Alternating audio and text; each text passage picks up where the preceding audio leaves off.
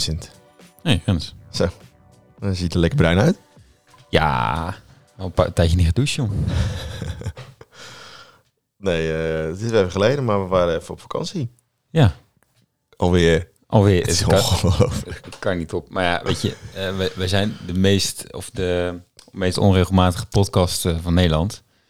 Ehm, en, en dat vergt gewoon een hoop energie. Ehm, eh, dus vandaar dat je veel vakantie nodig hebt. Ja. Ehm, want voor ons, ja, kijk, je moet begrijpen, voor ons het podcast maken gewoon heel natuurlijk. En om dat niet te doen, kost ons gewoon heel veel kracht en energie. Eh, maar dat is gewoon ons model. Nieuw dus Vincent, eh, nieuw- 2023, nieuw Ja. Vincent, ja. dus eh, vandaar. Ja. Nee, wij op vakantie we hadden wel het idee om, we hadden ze ja, zelfs de spullen meegenomen om op te nemen op vakantie. ja. Maar er kwamen wel dingetjes door, dus het is niet gelukt. Nee, helaas. Ja. Eh, want we waren op, eh op skivakantie ja, in Italië. Het was heerlijk. het was, eh, het was goed toeven. Ja, er lag sneeuw. Heel veel sneeuw. Het was hoog. Hoog, lekker zon, de zon scheen. Ja, Lekker geskiet, lekker bewogen. Uit en nieuw gevierd. Beste mensen nog. ja z'n hè? En het sch- schijnt er nog te mogen tot eh 14, 15 januari. Oh, ik. dacht tot de koning, joh. Ja, met, je, de, het Koningshuis doet iets op 14, 15 januari. Nog een, een wens uitbrengen. En tot Ah. dan mag je nog officieel... eh, dat zei iemand gisteren mij. Ik heb het niet die, gecheckt. ja, ligt er misschien ook aan hoe, eh, hoe koningsgezind eh Ja, je bent. Ja. bent. Maar, Nee, maar we waren ook net op vakantie en we dachten... we zitten nu in de Alpen. ja. In de Italiaanse Alpen. Misschien is daar wel, li- ligt, ligt daar wel een leuk onderwerp voor, voor het oprapen. Ja. En we hebben gevraagd aan, Een paar Italianen. Aan paar en aan het chat eh, GPT. Oh ja, En die toen- Italianen verstonden we niet. Nee. En toen kregen we dit. on- Nee, nee, je had inderdaad gezocht en je kwam eigenlijk uit bij eh, de, de Alpini. De opinie. Dat zijn. eh, nou, dat Ja. hoor je eigenlijk zo. Laten we dat, laten we dat nog even het midden houden. Ja. Maar laten we dan eerst maar naar je historische weken gaan. Ik zie dat je wat opgeschreven hebt, dus Ja. ik ben benieuwd. Ik, eh, En geen vraag voor mij, zoals de vorige keer. Hm? Geen vraag nee, voor mij, zoals de vorige keer. Nee. Ik, ehm, ik, wilde graag nog even eh, het gegeven memoreren dat de paus eh, de paus heeft begraven. Ja. Wat dus eigenlijk nog nooit gebeurd is. Of althans, daar waren de meningen ook een beetje over verdeeld. Bij de ene zag ik van een unicum, en de andere zag ik het is zoveel jaar geleden. Dus dat, dat was een beetje vaag. Uh-huh. Ehm, maar toen ging ik nog eens kijken van wie, wie was dat nou, hè? Die, eh, die Benedictus XVI die, die dood was gegaan. Maar hij wilde dus eigenlijk nooit paus worden. Nee. Wist ik eigenlijk niet. Ja, dat had ik wel eens een keer eerder. Eh, Maar toen ik het las, ik heb er wel eens een film over gezien, geloof ik, of zo. Is het niet gewoon eh, de, de Poop, die Pope? film? Ja, zou kunnen hoor. Zo Ja. gaat hij daar toch ook- Ja, Ja. maar nee, volgens mij niet. Maar hij is toch een soort van... omdat hij niet echt een mening had, is hij toch naar voren geschoven. Als een, het is een hele veilige keuze. Ja, want Zoiets uiteindelijk heeft de huidige paus, dus eh, Franciscus, heeft uiteindelijk hem, ehm, dus Benedictus die nu dood is, eh, heeft, heeft hem naar voren geschoven tijdens, die, eh, tijdens dat concilie. Ja, Eigenlijk door hem is hij paus geworden. ja. Ja, ja, interessant. Maar het, volgens mij was het toch een... Er zijn niet zoveel pauzen die voor hun... we zeggen, tijdens hun leven nog gezegd hebben, kappen mee. Nee, volgens mij, als ik het goed heb gelezen, was het de laatste keer aantal honderden jaren geleden, Ja. laat ik het even zo zeggen. Ja, een paar eeuwen geleden volgens mij, ja. En dat Eh, heeft ook toch te maken dat een paus nu een paus begraaft. Want dat gebeurt, dat is volgens mij het hele Dat- idee van het unicum, toch? Ja, precies. Eh, want voor die vorige paus, die eh vrijwillige afstand had gedaan, dat was dan ook door een schisma. Ja. Eh, doordat er een soort van ja, een soort eh, strijd was, een soort burgeroorlog eh, eh, in, het, in het Vaticaan. En daardoor maar afstand heeft gedaan, zodat iemand anders paus kon worden en het daarmee was opgelost. Ja. En, en terwijl dit was, ja, eh, de, Hij reden, was- wa- de reden was eh, fysiek Ja. eigenlijk en mentaal. En volgens mij de aanleiding was uiteindelijk dat hij eh, op doktersadvies niet meer kon vliegen naar de hele wereld over. En daarom vond hij dat hij zijn taken niet meer goed kon, kon uitoefenen. ja, en hij kwam ook wel goed uit met alle misbruiken die net omhoog kwamen. Precies, het was ook wel... Waar hij, waar hij ook niet echt mooi zich over uitsprak. Ja, want hij, het schijnt dat hij nog tijdens dat concilie gebeden heeft van God, alsjeblieft laat me niet dit, dit, dit op mij afkomen. En eh, ja, zijn gebeden zijn helaas eh, niet verhoord. Nee. Dus Nee, was, wat ik eh, wel, want het is natuurlijk een hele, het is een wereld vol met eh, rites en eh, Ja, en dat vond ik vooral heel mooi om dat weer te lezen. Net als op die Ja. begrafenis van Queen Elizabeth gingen we nu ook heel mooi. ook weer over al die dingen. Wat Ja. was het nou? Is, is een, eh, hij werd dan eerst drie keer op zijn hoofd geslagen met Ja. een zilver dingetje. Door de kamermeester, geloof ik. Ja, om te kijken of hij echt dood was. Ja. En dan wordt, er zijn doopnaam opgenomen of zo. Ja, ik weet niet. Ik vind dat gewoon heel mooi. En dat hij natuurlijk... Er was natuurlijk, er waren best wel veel berichten over dat hij daar natuurlijk... eh, ik weet niet of hij gebalsemd was, maar hij, hij lag in ieder geval buiten zijn kist of zonder kist. Hij was goed te zien, Ja. het lijk. En dat kennen we natuurlijk niet heel erg, denk ik, in het Westen. Nee, ja. In ieder geval, er waren heel veel mensen die zeiden wat vies of wat naar. Ah, of, ja. eh, ik dacht, nou, het is, ja, is wel vet toch? Zag er best wel goed Ja. uit. Met die kleren die En hij gaat ook in drie kisten. Echt? Ja, dus hij gaat eerst in een ehm cipressenkist. Ja. Daar ligt hij in. Dat gaat vervolgens in een zinken kist. En dat gaat weer in een eh hardhouten kist. Dat hij echt niet naar de hel kan. Ja. Is dat, eh, wat is het een reden? Ik weet niet wat daar de re- ja, Ik denk gewoon eh, misschien conservatie of zo. Geen idee. Ja. En wordt hij dan nu ook... eh, want hij, Hij is nu bijgezet. Ja, maar hij is dan nog niet heilig verklaard of zo. Nee, nee. Want dat zit, daar komt, zit een heel proces achter. daar ja. zit een heel proces achter. En eh, volgens mij gaan de, zodra zo'n paus dood is, gaan er dan stemmen of van verklaar hem heilig, verklaar hem heilig. Ja. Eh, maar daar zit meestal wel, eh, wel een aantal jaar tussen. Tientallen jaren, ja. ja. Want met- eerst moet je zalig verklaard worden. Ja, En vaak dan een aantal jaar daarna word je, word je heilig verklaard. En bijna elke paus wordt dat in principe. ja. Het duurt gewoon even. Oké, interessant. Dus wat, eh, maar dat heb jij, ik heb dat eigenlijk helemaal niet zo goed gevolgd, maar eh, dat was natuurlijk een beetje tijdens onze. Ja, en het was dus eigenlijk minder groot, omdat hij dus... eh, hij is geen staatshoofd meer. Dus er kwamen ook niet echt oh. hele belangrijke mensen. Alleen van Duitsland was er echt wel een belangrijke afvaardiging. Maar hij kwam uit Duitsland. Ja. En de koning van België en Spanje waren er. En voor de rest niet echt. Volgens mij was... Zou dat dan komen omdat die dan katholiek zijn? Ja, weet ik- ja, dat denk ik. Ja, die hebben natuurlijk... Hun koningshuis is verbonden veel meer met de katholieke kerk Ja. natuurlijk dan, eh, Dat is onze. eh, dan de onze, ja. Ik ga ook even kijken van wie zijn nou die kanshebbers om dan weer deze Franciscus op te volgen. Want dat is natuurlijk ook een, gewoon een mooi politiek spel. Uh-huh. Dat is dus een beetje zoals Trump bijvoorbeeld eh, mensen het Hoge Rechtshof heeft benoemd om eigenlijk best wel lang alles te kunnen bepalen. Zo zijn er ook afgelopen jaar twintig nieuwe kardinalen benoemd door. Franciscus. Eh, en wat daar heel erg aan opvalt is dat het heel veel kardinalen zijn uit de, peri- uit de periferie inderdaad. Ah. Dus niet uit Europa of Italië zelfs. Eh, wat de kans dus best wel groot maakt. Eh, volgens mij is een kans hebben bijvoorbeeld de aartsbisschop van Mumbai, India of, een, of een Chinees geloof ik zelfs. Oh, dat zou wel vet zijn. Ja, dat zal wel vet zijn. Ja. Maar hoe kom je dan, hoe kom je dan daar, hoe, kun je, hoe werk je eigenlijk omhoog dan? Ja, maar dit is een, een, aflevering op zich. Maar dat vind ik ook wel interessant. Dat je dus, hoe word je een kardinaal? Ja, want Nederland heeft er dus één, Ja. eh, van Eyck. Dat is de aartsbisschop van, eh, van Utrecht. Mhm. Eh, die was dus ook op die begrafenis. Samen met de ambassadeur van het Vaticaan van, van Nederland. Ja, dat is niet, niet een hele hoge postleider. Heel druk even. Eén keer per jaar moet je die bloemen moet je daar bezorgen. Voor de rest, ja, geen idee. Wat doe je dan? Ik weet niet wat je dan doet. Geen idee. No paspoort, bent dus- paspoort regelen voor Vaticaanstad. Ja, dat je niet uit mag. Ja. Ja, je bent echt ambassadeur van een kilometer of zo. ja. Ja, bizar. Maar dat, dat was eh, ja, even het, eh, inderdaad gewoon dat ceremonieel altijd wel mooi. Ja, ja. Maar het wa- was niet live op tv, toch? Nee. Ja. Oh, echt? Ja. Ook bij NOS? ja Of dan bij KRO? Ah, dat weet ik niet. Zou wel bij KRO kunnen hoor. Ja. Dat was op, eh, op Nippo 2. Oh ja. ja, ik weet het niet. Nee, het zou wel bij NOS. Dat is gewoon een soort van... Ja. Nieuws. Misschien een collab. Ja, Dat zal wel. met een of andere katholieke kenner. Leuk. Ja. Ja. ik heb er eigenlijk niks mee gedaan. Zo. Eh, we hebben natuurlijk best wel een katholieke colle- collectie op mijn werk. Ah, ja. Maar ja, misschien nog even over nadenken. Kijk, kijk maar even. Ja. Kijk maar even. Ik heb namelijk iets anders eh, als historische week. Oh, Eh, ik heb het niet opgeschreven, dus nee, dus, eh, ja, ik, dat eh, vind ik ook wel eens leuk. Het was natuurlijk openbaarheidsdag, dat is altijd wel leuk, hè? In Ja, ja, komen allemaal eens dingen boven. Misschien weet je het nu ik naartoe ga. Maar had je dat al die van die verborgen naties gehad? Echt, Ja. dat is zo'n goed verhaal. Dat, doet, dat is ook zo goed voor de publiciteit. Dat doet het zo lekker. Ja, maar je doet dat, dat zoeken ze natuurlijk al van tevoren uit. Dat Ja. zit ook helemaal, want 1 januari stonden op al die nieuwsberichten, nieuwsberichten online, of 2 januari. En op 2 januari kun je dan naar het archief toe en dan komen dus alle stukken waar een embargo op zit. Meestal is dat bijvoorbeeld na 75 jaar of naar 100 jaar, of het ligt een beetje tegen wat voor stuk het is. Komen dan in de openbaarheid in, kun je dan opvragen en kun je dan inzien. En een van die was dus een, een, dat er een verborgen natieschat zou zijn in om, Ommeren, waar dan sieraden, edelstenen, gouden horloges in zouden zitten. Die dan daar begraven zouden zijn door nazi-mannen. eh, na eigenlijk een beetje tijdens de slag van om Arnhem 1944.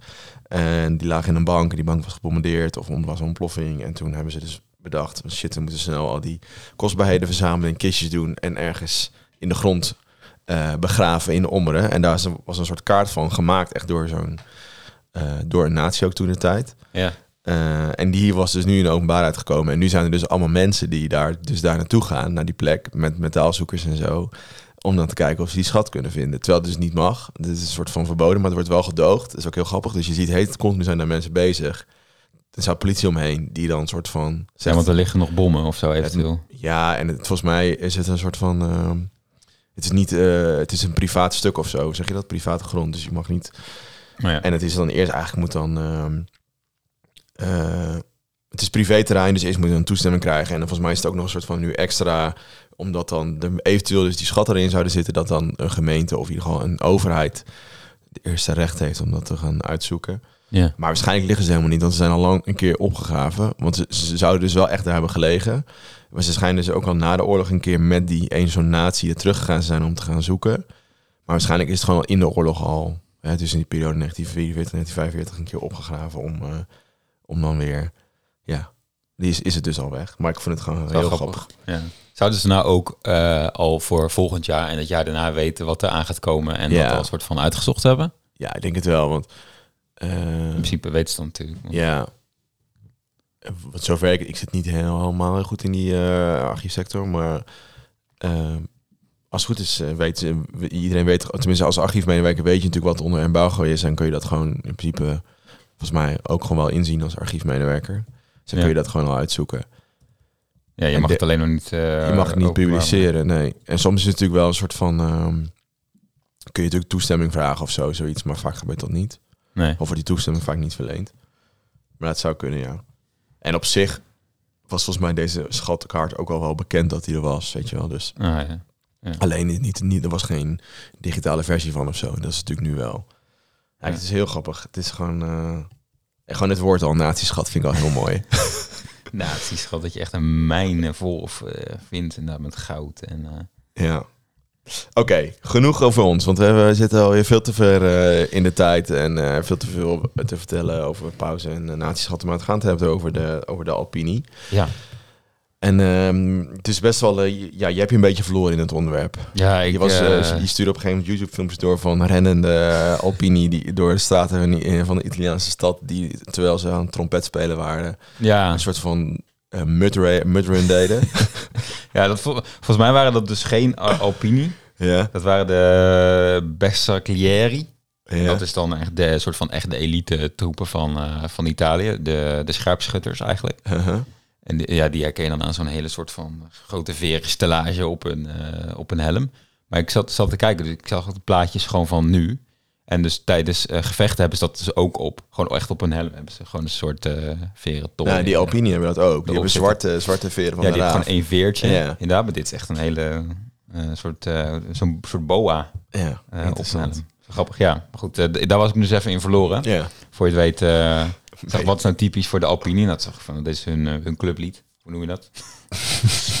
hun, hun lijflied. Hun mar marsmuziek. Hun marsmuziek. En toen eh, ja, van het een rol je in het ander. Maar dat schijnen ze dus wel vaker te doen. Komen opeens ook veel meer eh, filmpjes tegen dat ze dat dan ook overal doen, weet je wel. Dat ze echt naar andere landen gaan om dat dan te doen. en zo. Nou, ik herkende het dus van... eh, ik was dus in november in, in Amerika. En toen ben ik met mijn broertje die aan het studeren daar was... naar een, eh, een American football game geweest van de universiteit waar hij op zat. Nou, heel groot, 80.000 man. En dan komt dus ook...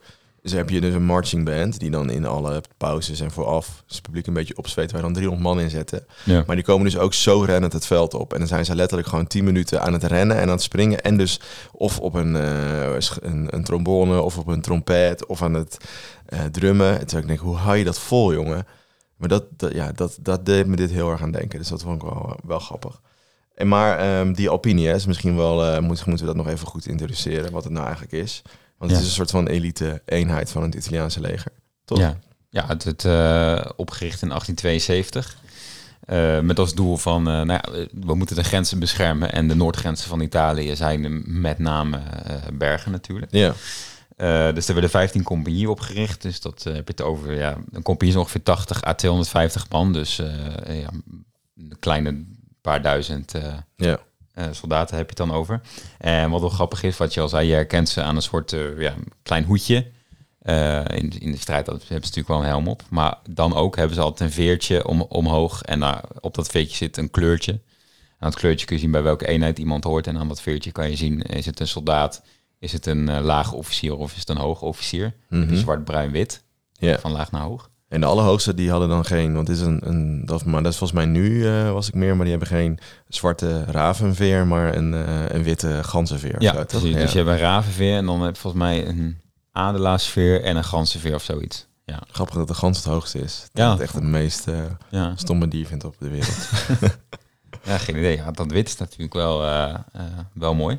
ja. En wat, wat ook kenmerkend was voor deze, voor deze eenheid, is dat alle soldaten ook werden geworven in de gebieden die ze daadwerkelijk moesten beschermen. ja. En dat had eigenlijk twee voordelen, namelijk dat je ja, een beetje intrinsieke motivatie hebt om je eigen gebied te beschermen. Eh, maar ook dat je, eh, dat je van de hoed en de rand weet. Dat je, dat, dat je het gebied echt op je duimpje kent. En waarschijnlijk heel goed kan, ook kan bergklimmen en kan skiën. Eh, en dat was ook een, eh, een belangrijk onderdeel natuurlijk in de winter. Ja, ik vond het interessant. Ik las hier, dit, want dit kwam, dit lees je dus elke keer bij die Alpini, maar het is, die, eh, het is dus opgericht in 1872. Dat is echt tien jaar of elf jaar na de eenwording van Italië. Ja. Dus daarvoor waren natuurlijk allemaal een soort losse staten, stadstaten, nou van alles en nog wat. Lappendeken aan, eh, aan verschillende vormen. Ja, ze hadden opeens een gigantisch gebied wat ze natuurlijk moesten Ja, en dat is eh, natuurlijk wel, ja, maar dat is natuurlijk ook een soort van eh, identiteit of nationale vorming, zo'n zo'n elite-eenheid. Ja. Het is natuurlijk heel slim om dan te zeggen van ja, ja, ja, je kunt en je eigen gebied beschermen, maar je doet het ook nog voor je land. ja, precies. Dus het is gewoon eigenlijk een heel slimme. Ja, want die Eh, eenheden die heten dan ook echt naar dat gebied, zeg maar. eh, zij waren, nou, wij waren bijvoorbeeld skiën op de, bij de Matterhorn, een. Cervino in het Italiaans. Je had ook gewoon een Monte Cervino eh, eenheid of een compagnie. En die beschermde de Monte Cervino, dat, dat, die grenspassage. Ja. Ja, super interessant.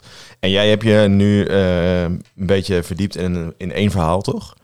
Ja, in één verhaal. Ja, het is wel een lang verhaal. Een lang, lang verhaal. Dus ik ga even zitten, pak even wat lekkers te drinken bij. Ja, Ja, het is van de Eerste Wereldoorlog. Ja, het is van de Eerste Wereldoorlog inderdaad. Ehm, dus uiteindelijk, de, de- deze alpini werden steeds verder uitgebreid. Je kreeg ook allemaal aparte onderdelen. Dus je had, had gewoon een alpinisten eh, eh, bataljon. Eh, en daarin zaten dan een compagnie van skiers, een compagnie van scherpschutters, een compagnie van eh genie, Ja. dus engineers, dat soort dingen. Ehm, en dat werd steeds verder uitgebreid. Op een gegeven moment was het echt best wel eh, gewoon een leger bijna op zich. Ehm, en hij werd eigenlijk pas op volle sterkte in 1915, eh, 23 mei, toen eh, Oostenrijk-Hongarije de oorlog aan Italië verklaarde of aan elkaar verklaarde. Eh, en dat kwam eigenlijk, uiteindelijk was het Ita- Italië die daar de aanzet toe gaf. Hè. Die sloot zich aan bij de, bij de Entente, Ja, dus bij Engeland eh, en Rusland Frankrijk. en Frankrijk, ja. Eh, en daardoor eh, verklaarde Oostenrijk-Hongarije de oorlog aan, eh, aan Italië. Ehm, en uiteindelijk zijn er naar schatting dus 600.000 Italianen en 400.000 Oostenrijkers omgekomen alleen al aan dat Italiaanse front. Het wordt vaak ook een beetje het vergeten front genoemd Ja. in de Eerste Wereldoorlog. En de meeste doden zijn eigenlijk gevallen in de, om de rand van de, op de oevers van de Isonzo-rivier. Je hebt het ook vaak over de Isonzo-veldslagen, de Isonzo-linie, dat soort dingen. Dat bevindt zich helemaal in het, ehm, eh, in het noordoosten van, eh, van Italië, dus in de Dolomieten. Ja, Ehm, en hoewel die, eh, eh, die, die Alpengrenzen vaak eh, eh, wel al bewand waren, eh, eh, om te beveiligen, wat we net al zeiden, die grenzen te bewaken.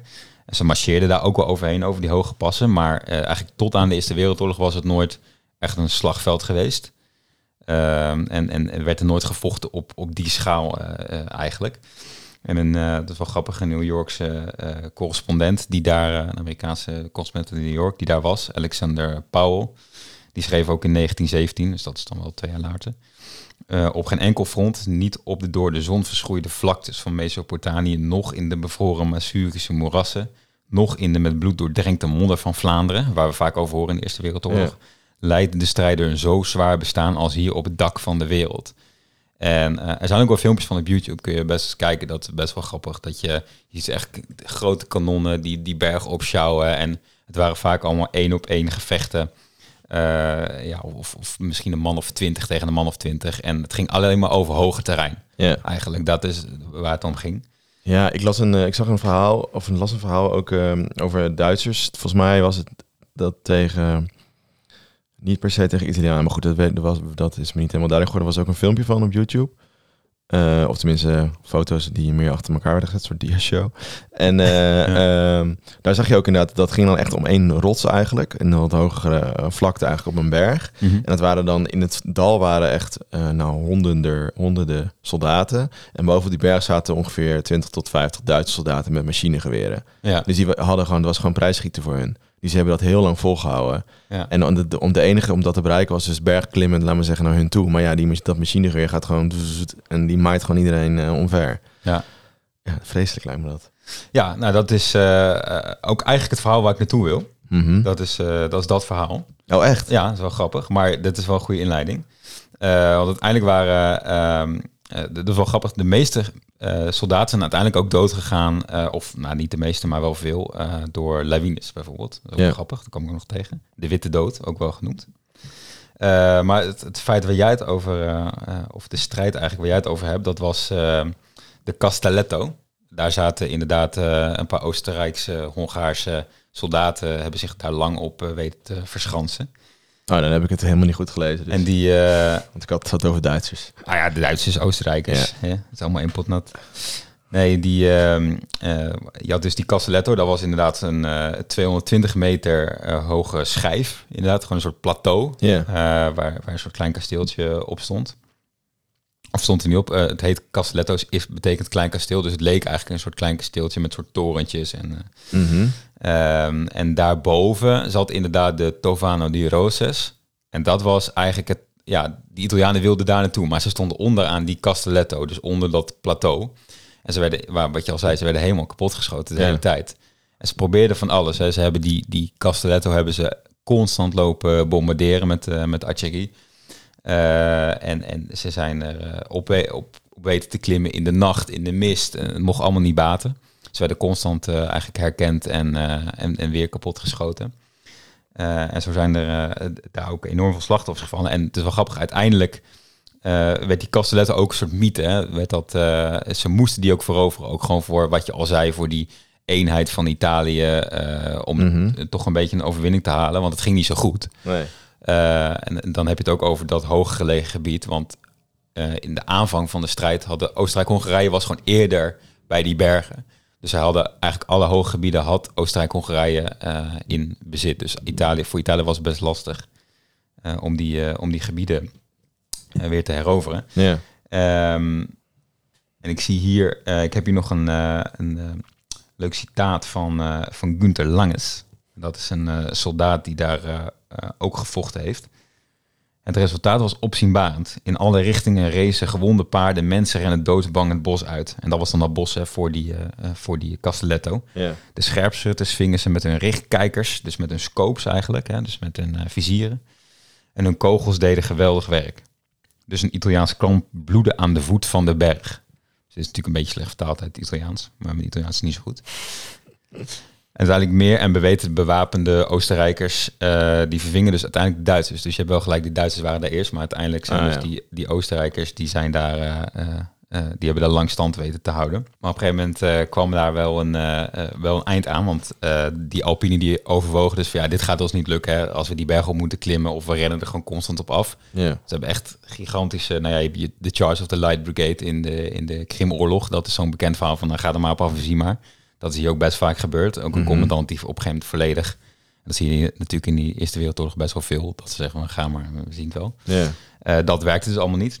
Eh, dus ze dachten, misschien kunnen we ze vanuit binnenuit eh, aanvallen. En er zat dus een soort spleet tussen dat veel hoger gelegen gedeelte... waar ze constant op proberen te klimmen om weer hoger dan, dan hen te komen en hun te beschieten.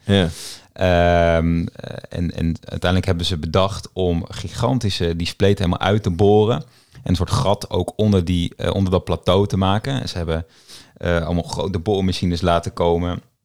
Op een gegeven moment hebben ze, eh, moet ik het even goed kijken, ehm, de helft, dus 77 pond explosieve gelatine. Dat was de helft van de Italiaanse maandelijkse productie qua explosieven Mhm. hebben ze aan laten voeren.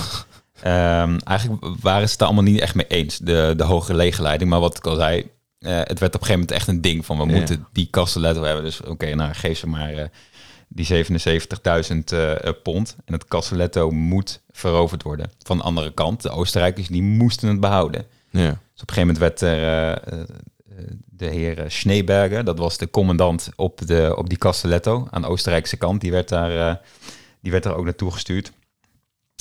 En eh, eh, die zei van, eh, ik had graag, of de, degene die, die Schneeberger daar naartoe stuurde, die zei, ik had graag iemand anders gestuurd. Maar jij bent de jongste en je hebt geen familie. Dit was dus geen missie waarvan verwacht werd dat je, dat je terugkwam. Nee. En dan zei ook van, het is beter dat je weet hoe de zaken hier staan. Het gaat niet goed. Je bent bijna omsingeld, eh, onophoudelijke artilleriebombardementen, sluipschuttersvuur. Eh, het was eigenlijk één grote hel. Dus die Oostenrijkers zagen ook wel in van... Van ja, dit is eigenlijk, eigenlijk een verloren zaak. Hè? En eh, die bevelhebber die, die Schneebergen daar neerzet, die zei ook: als je niet sterft van de honger of de kou, dan zul je binnenkort de lucht in worden geblazen. Maar eh, succes. Ja. En je wordt eigenlijk volhouden tot, tot je dood bent. En op een gegeven moment onderschepten de Oostenrijkers, die, die onderschepten een radio, radiobericht, telegram.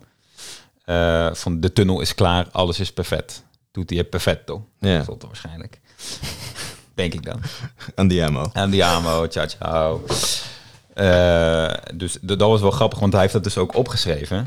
eh, toen hij eh, toen die daar op zijn, op zijn bedje lag. En hij schreef ook van... Vreemd, iedereen weet dat hij vroeg of laat zou moeten sterven. En men denkt er nauwelijks aan, schreef hij.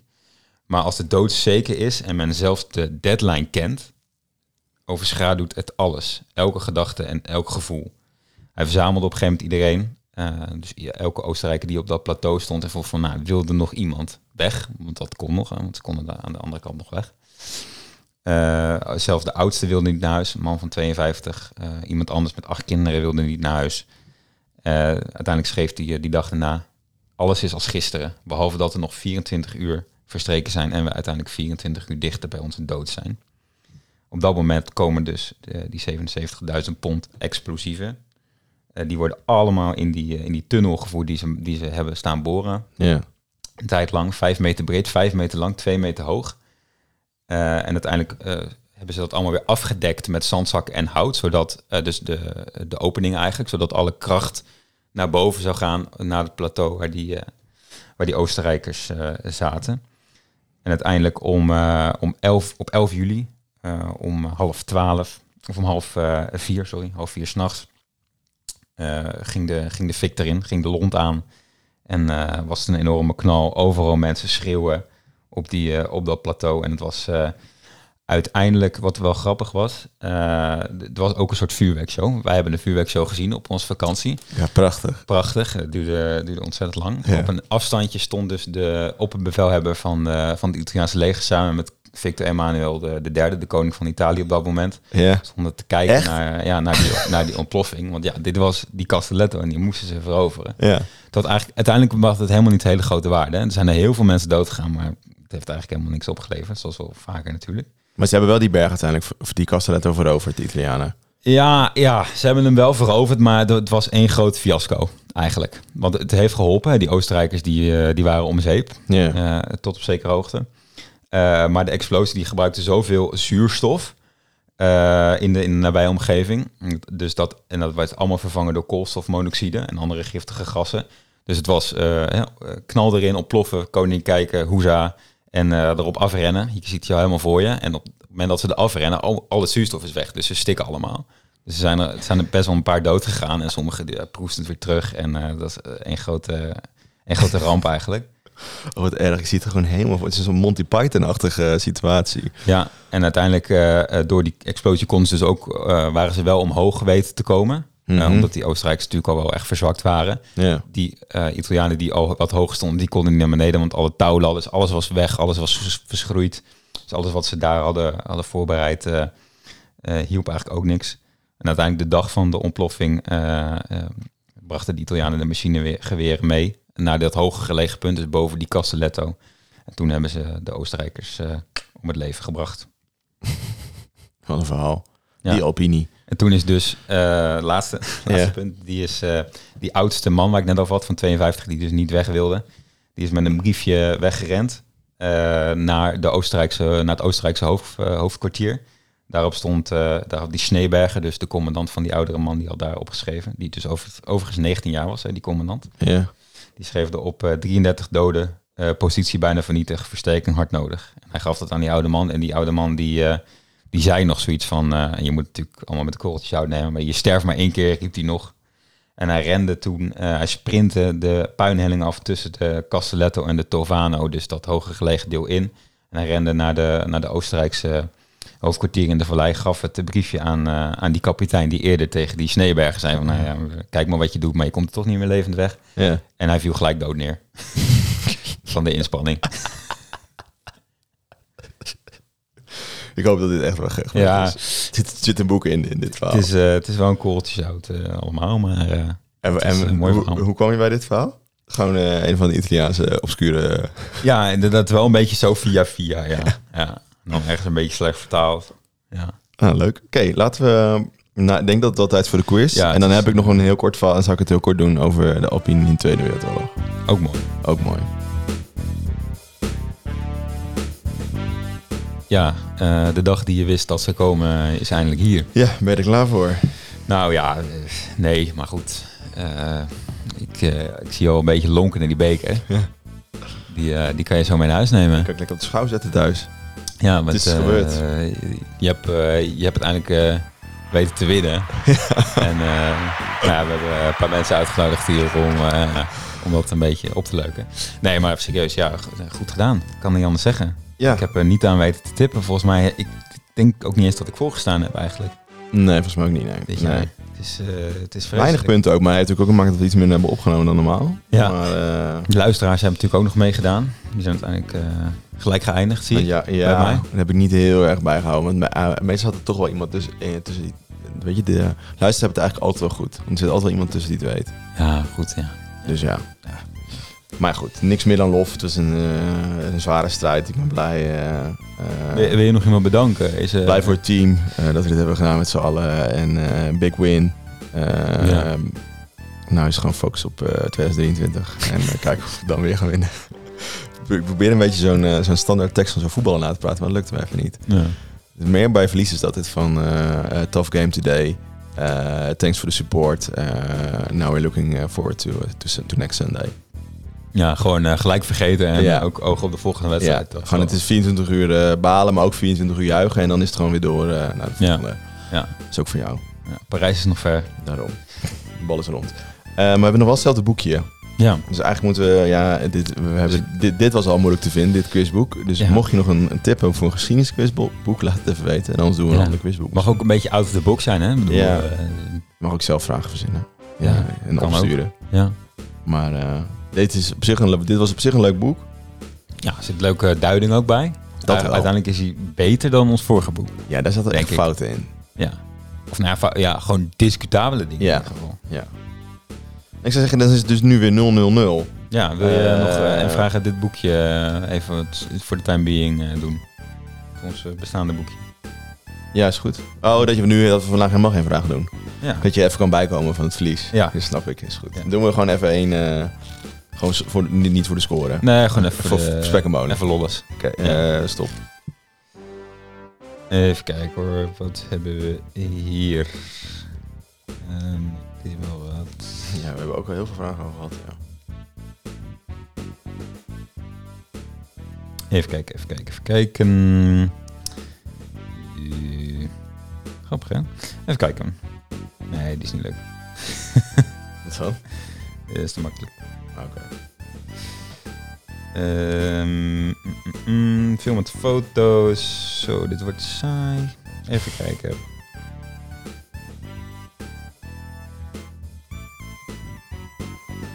Wat was de directe aanleiding voor de Russische inval in Hongarije in 1956? Gewoon een Hongaarse opstand, toch? De Hongaarse regering, puntje, puntje, puntje. A. Wilde vrije verkiezingen uitschrijven. B. Was het Warschau-pact uit het Warschau-pact gestapt. C. Stelde de grenzen met het Westen open. Of D. Vroegen de Russen om hulp tegen de opstand. Oeh. Weet jij het? Ja, je ziet natuurlijk Nee. het antwoord nu. Nou ja, nee, nog niet helemaal. Dit is een verhaaltje om. Ik zou zeggen... ehm, ik denk D. Gewoon dat ze het erom vroegen. Dat de, dat de bevolking eh, in opstand kwam en niet de regering, toch? Je zit hier Nee. heel bedenkt te kijken. Nee, nee, Oh. nee, dat is niet het goede antwoord. Wat dan? Helaas. Het was eh, dat ze uit het Warschau-pact eh, gestapt Ah, waren. Ja. Dat eh kon ze niet bekoren. En waarom dan? Die was toen de... Dat het verder niet bij. Eh, in oktober 1956 vertrok zich in Hongarije een brede volksopstand die zelfs de steun van het leger kreeg. De eisen van de opstandelingen waren een directe bedreiging voor de communistische machthebbers, vrije verkiezingen, een eind aan de Sovjetbezetting en meer persoonlijke vrijheden. De regering van Imre Nagy wist de Sovjets zover te krijgen zich uit het land te trekken, maar besluit van Hmm. 1 november om het Warschau-pact uit te stappen ging Khrushchev te ver. Oké. Dus ze hadden het eigenlijk best wel goed voor elkaar totdat ze uit het eh Ja, Warschau-pact stapten. Leuk. Zullen we nog een vraag aan jou doen? Dat we dan... eh Ja. dat, je hem even, eh, dat je hem dan een keer goed doet. Even makkelijker voor jou. weet je, voor je Ja, goed. gewoon, eh Ja. bijna was de Tweede Wereldoorlog.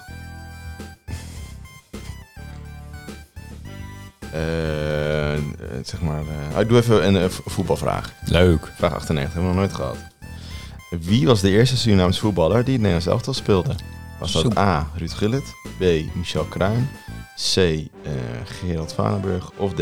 Humphrey Mijnals? Ook wel bekend als Minna. Ik denk Humphrey Mijnans. Klopt, helemaal.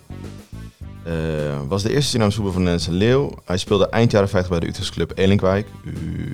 Waar hij het zogenaamde klavertje 5 van de jonge Surinaamse voetballers aanvoerde. Michel Kruijn, Charlie Marburg, Frank Meijnals en Erwin Sparendam waren de andere vier. En hij debuteerde op 3 april 1960 in de wedstrijd Nederland-Bulgarije. Ja, ik moest denken aan die Mijnans-commissie. Ja, oh. Dit, eh, daar zou het vast van hebben, maar lijkt mij. Maar ik, Dat wist het eigenlijk niet. Nee, ik ook niet. Maar nou, nu je het zo zegt, dat is wel logisch. Oké, laten we doorgaan naar de Tweede Wereldoorlog. Even een andere leuk event. Ehm, ik heb ook een, eh, een, een verhaal gevonden over de, over de Alpini. Ehm, wel een beetje discutabel verhaal misschien. Een beetje een gekke website waar, het, eh, waar ik het op vond. eh, namelijk theskepticus.com.nl. Hm. Ehm, met ondertitel informatief eh, kritisch. Met allemaal gekke kopjes over antisemitisme en complottheorieën. Maar het is een, eh, een, een, eigenlijk een hertaald of vertaald artikel uit een Italiaanse krant in april 2022. En ehm, het gaat eigenlijk over ehm, hoe herdenken we die... die wat, wat kijk je? Nee, nee, je even, even te bladeren op, het arti- eh, op de website. Ik zat even op die website te kijken en eh, Het is niet... Het is niet eh, wie het geschreven had en zo. ja, het is heel grappig. gek. Ja. Nou, dat, maakt ook niet uit. Dus ik, maar ik heb dat artikel ook in het Italiaans kunnen terugvinden. Maar ik dacht, ja, dan begrijp ik er niet zoveel van. Nee, precies. Nee. Dus eh, wat verder zoeken kwam ik hier opeens terecht. Eh, het lijkt allemaal ongeveer wel eh, een beetje te kloppen. Maar eigenlijk, eh, want het originele artikel verscheen op 11 april 2022 in eh, La Patria Indipendente. Mhm. is ook niet eh, ook wel een eh, politiek gekleurde krant of een tijdschrift, maar goed. Het gaat eigenlijk om ehm, dat er een dat de, de Italiaanse regering ehm, een bepaalde gebeurtenis aan de Tweede Wereldoorlog eigenlijk wil herdenken in op een soort herdenkingsdag, namelijk op 26 januari. En met 189 stemmen voor en geen enkele stem tegen, Ja. eh, heeft de Senaat dus besloten op 5 april om eh, de Nationale Herdenkingsdag en Opofferingsdag van de Alpini voortaan te vieren op 26 januari. Eh, en dat verwijst naar nogal een, dus een dis- discutabele oorlogsdaad of gebeurtenis. Ja. Want jij vertelde net over die eh, heldhaftige eh, Alpini. Dat waren ze ook. Ze waren namelijk zeker heel heldhaftig. Ehm, Zoals je misschien weet, was Italia, Italië in die tijd fascistisch en hadden zich aangesloten bij de nazi's in Duitsland. Ehm, en die voerden vanaf 1941 vooral strijd tegen Rusland. Daar waren ze mee bezig met de operatie Barbarossa. Ja. Ehm, en dat was een valikant eigenlijk, of dat mislukte nogal, die, eh, die aanval. Eh, Ja. Of tenminste die, die, die strijd met, eh, met Rusland. En daar hebben ze ook allerlei eh, Italiaanse soldaten bij aangesloten of gevraagd, willen jullie meevechten? En die zijn ook richting die kant op gegaan. Ehm, en dat lukte allemaal niet. En in 1943, 19, eind 1942 besloten ze eigenlijk van we moeten ons terugtrekken op een veilige manier. Mhm. Eh, maar dat kon eigenlijk niet, omdat de, Ru- de Russen of de Sov- Sovjet-Unie ehm, de Duitse en de Italiaanse soldaten eigenlijk volledig had eh, omsingeld. Eh, en dus eigenlijk geen veilige weg eh, terug meer was. Mhm. Eh, dus de Italiaanse Alpini-soldaten kregen de opdracht om, om eigenlijk maar te regelen dat ze op een of andere manier toch nog konden terugtrekken door een soort corridor of een breakthrough Ja. te, te veroorzaken. Nou, die Sovjet-Unie zat helemaal rondom de, de rivier de Don, zaten ze helemaal zich, hadden ze zich helemaal opgesteld. Ehm, en hadden ze daar eigenlijk alle Italiaanse, eh, het hele achtste leger van Italië eh, uiteindelijk vernietigd. En ze nog verder teruggetrokken richting Ro Rostov, zaten echt ver diep eh, tegen Rusland aan. En uiteindelijk hebben de Alpini samen met wat Duitse, ehm, eh, hoe heet dat, armored vehicles, dus ehm, Panzerwagens. pa- panzerwagens eigenlijk voor, veroorzaakt dat er een soort van west, in richting het westen, een soort eh, lijn vrij, vrij kwam, waardoor soldaten zich nog kunnen, konden terugtrekken. Ja. En dit gebeurde eigenlijk allemaal eh, op de morgen van eh, januari eh, de 26e. Eh, en toen lukte het uiteindelijk met dus de hulp van eh, met name die, eigenlijk alleen maar die Alpini-soldaten om dus die lijn open te trekken. Ja. En eh, ze zich zo dus konden terugtrekken richting, eh, richting Italië.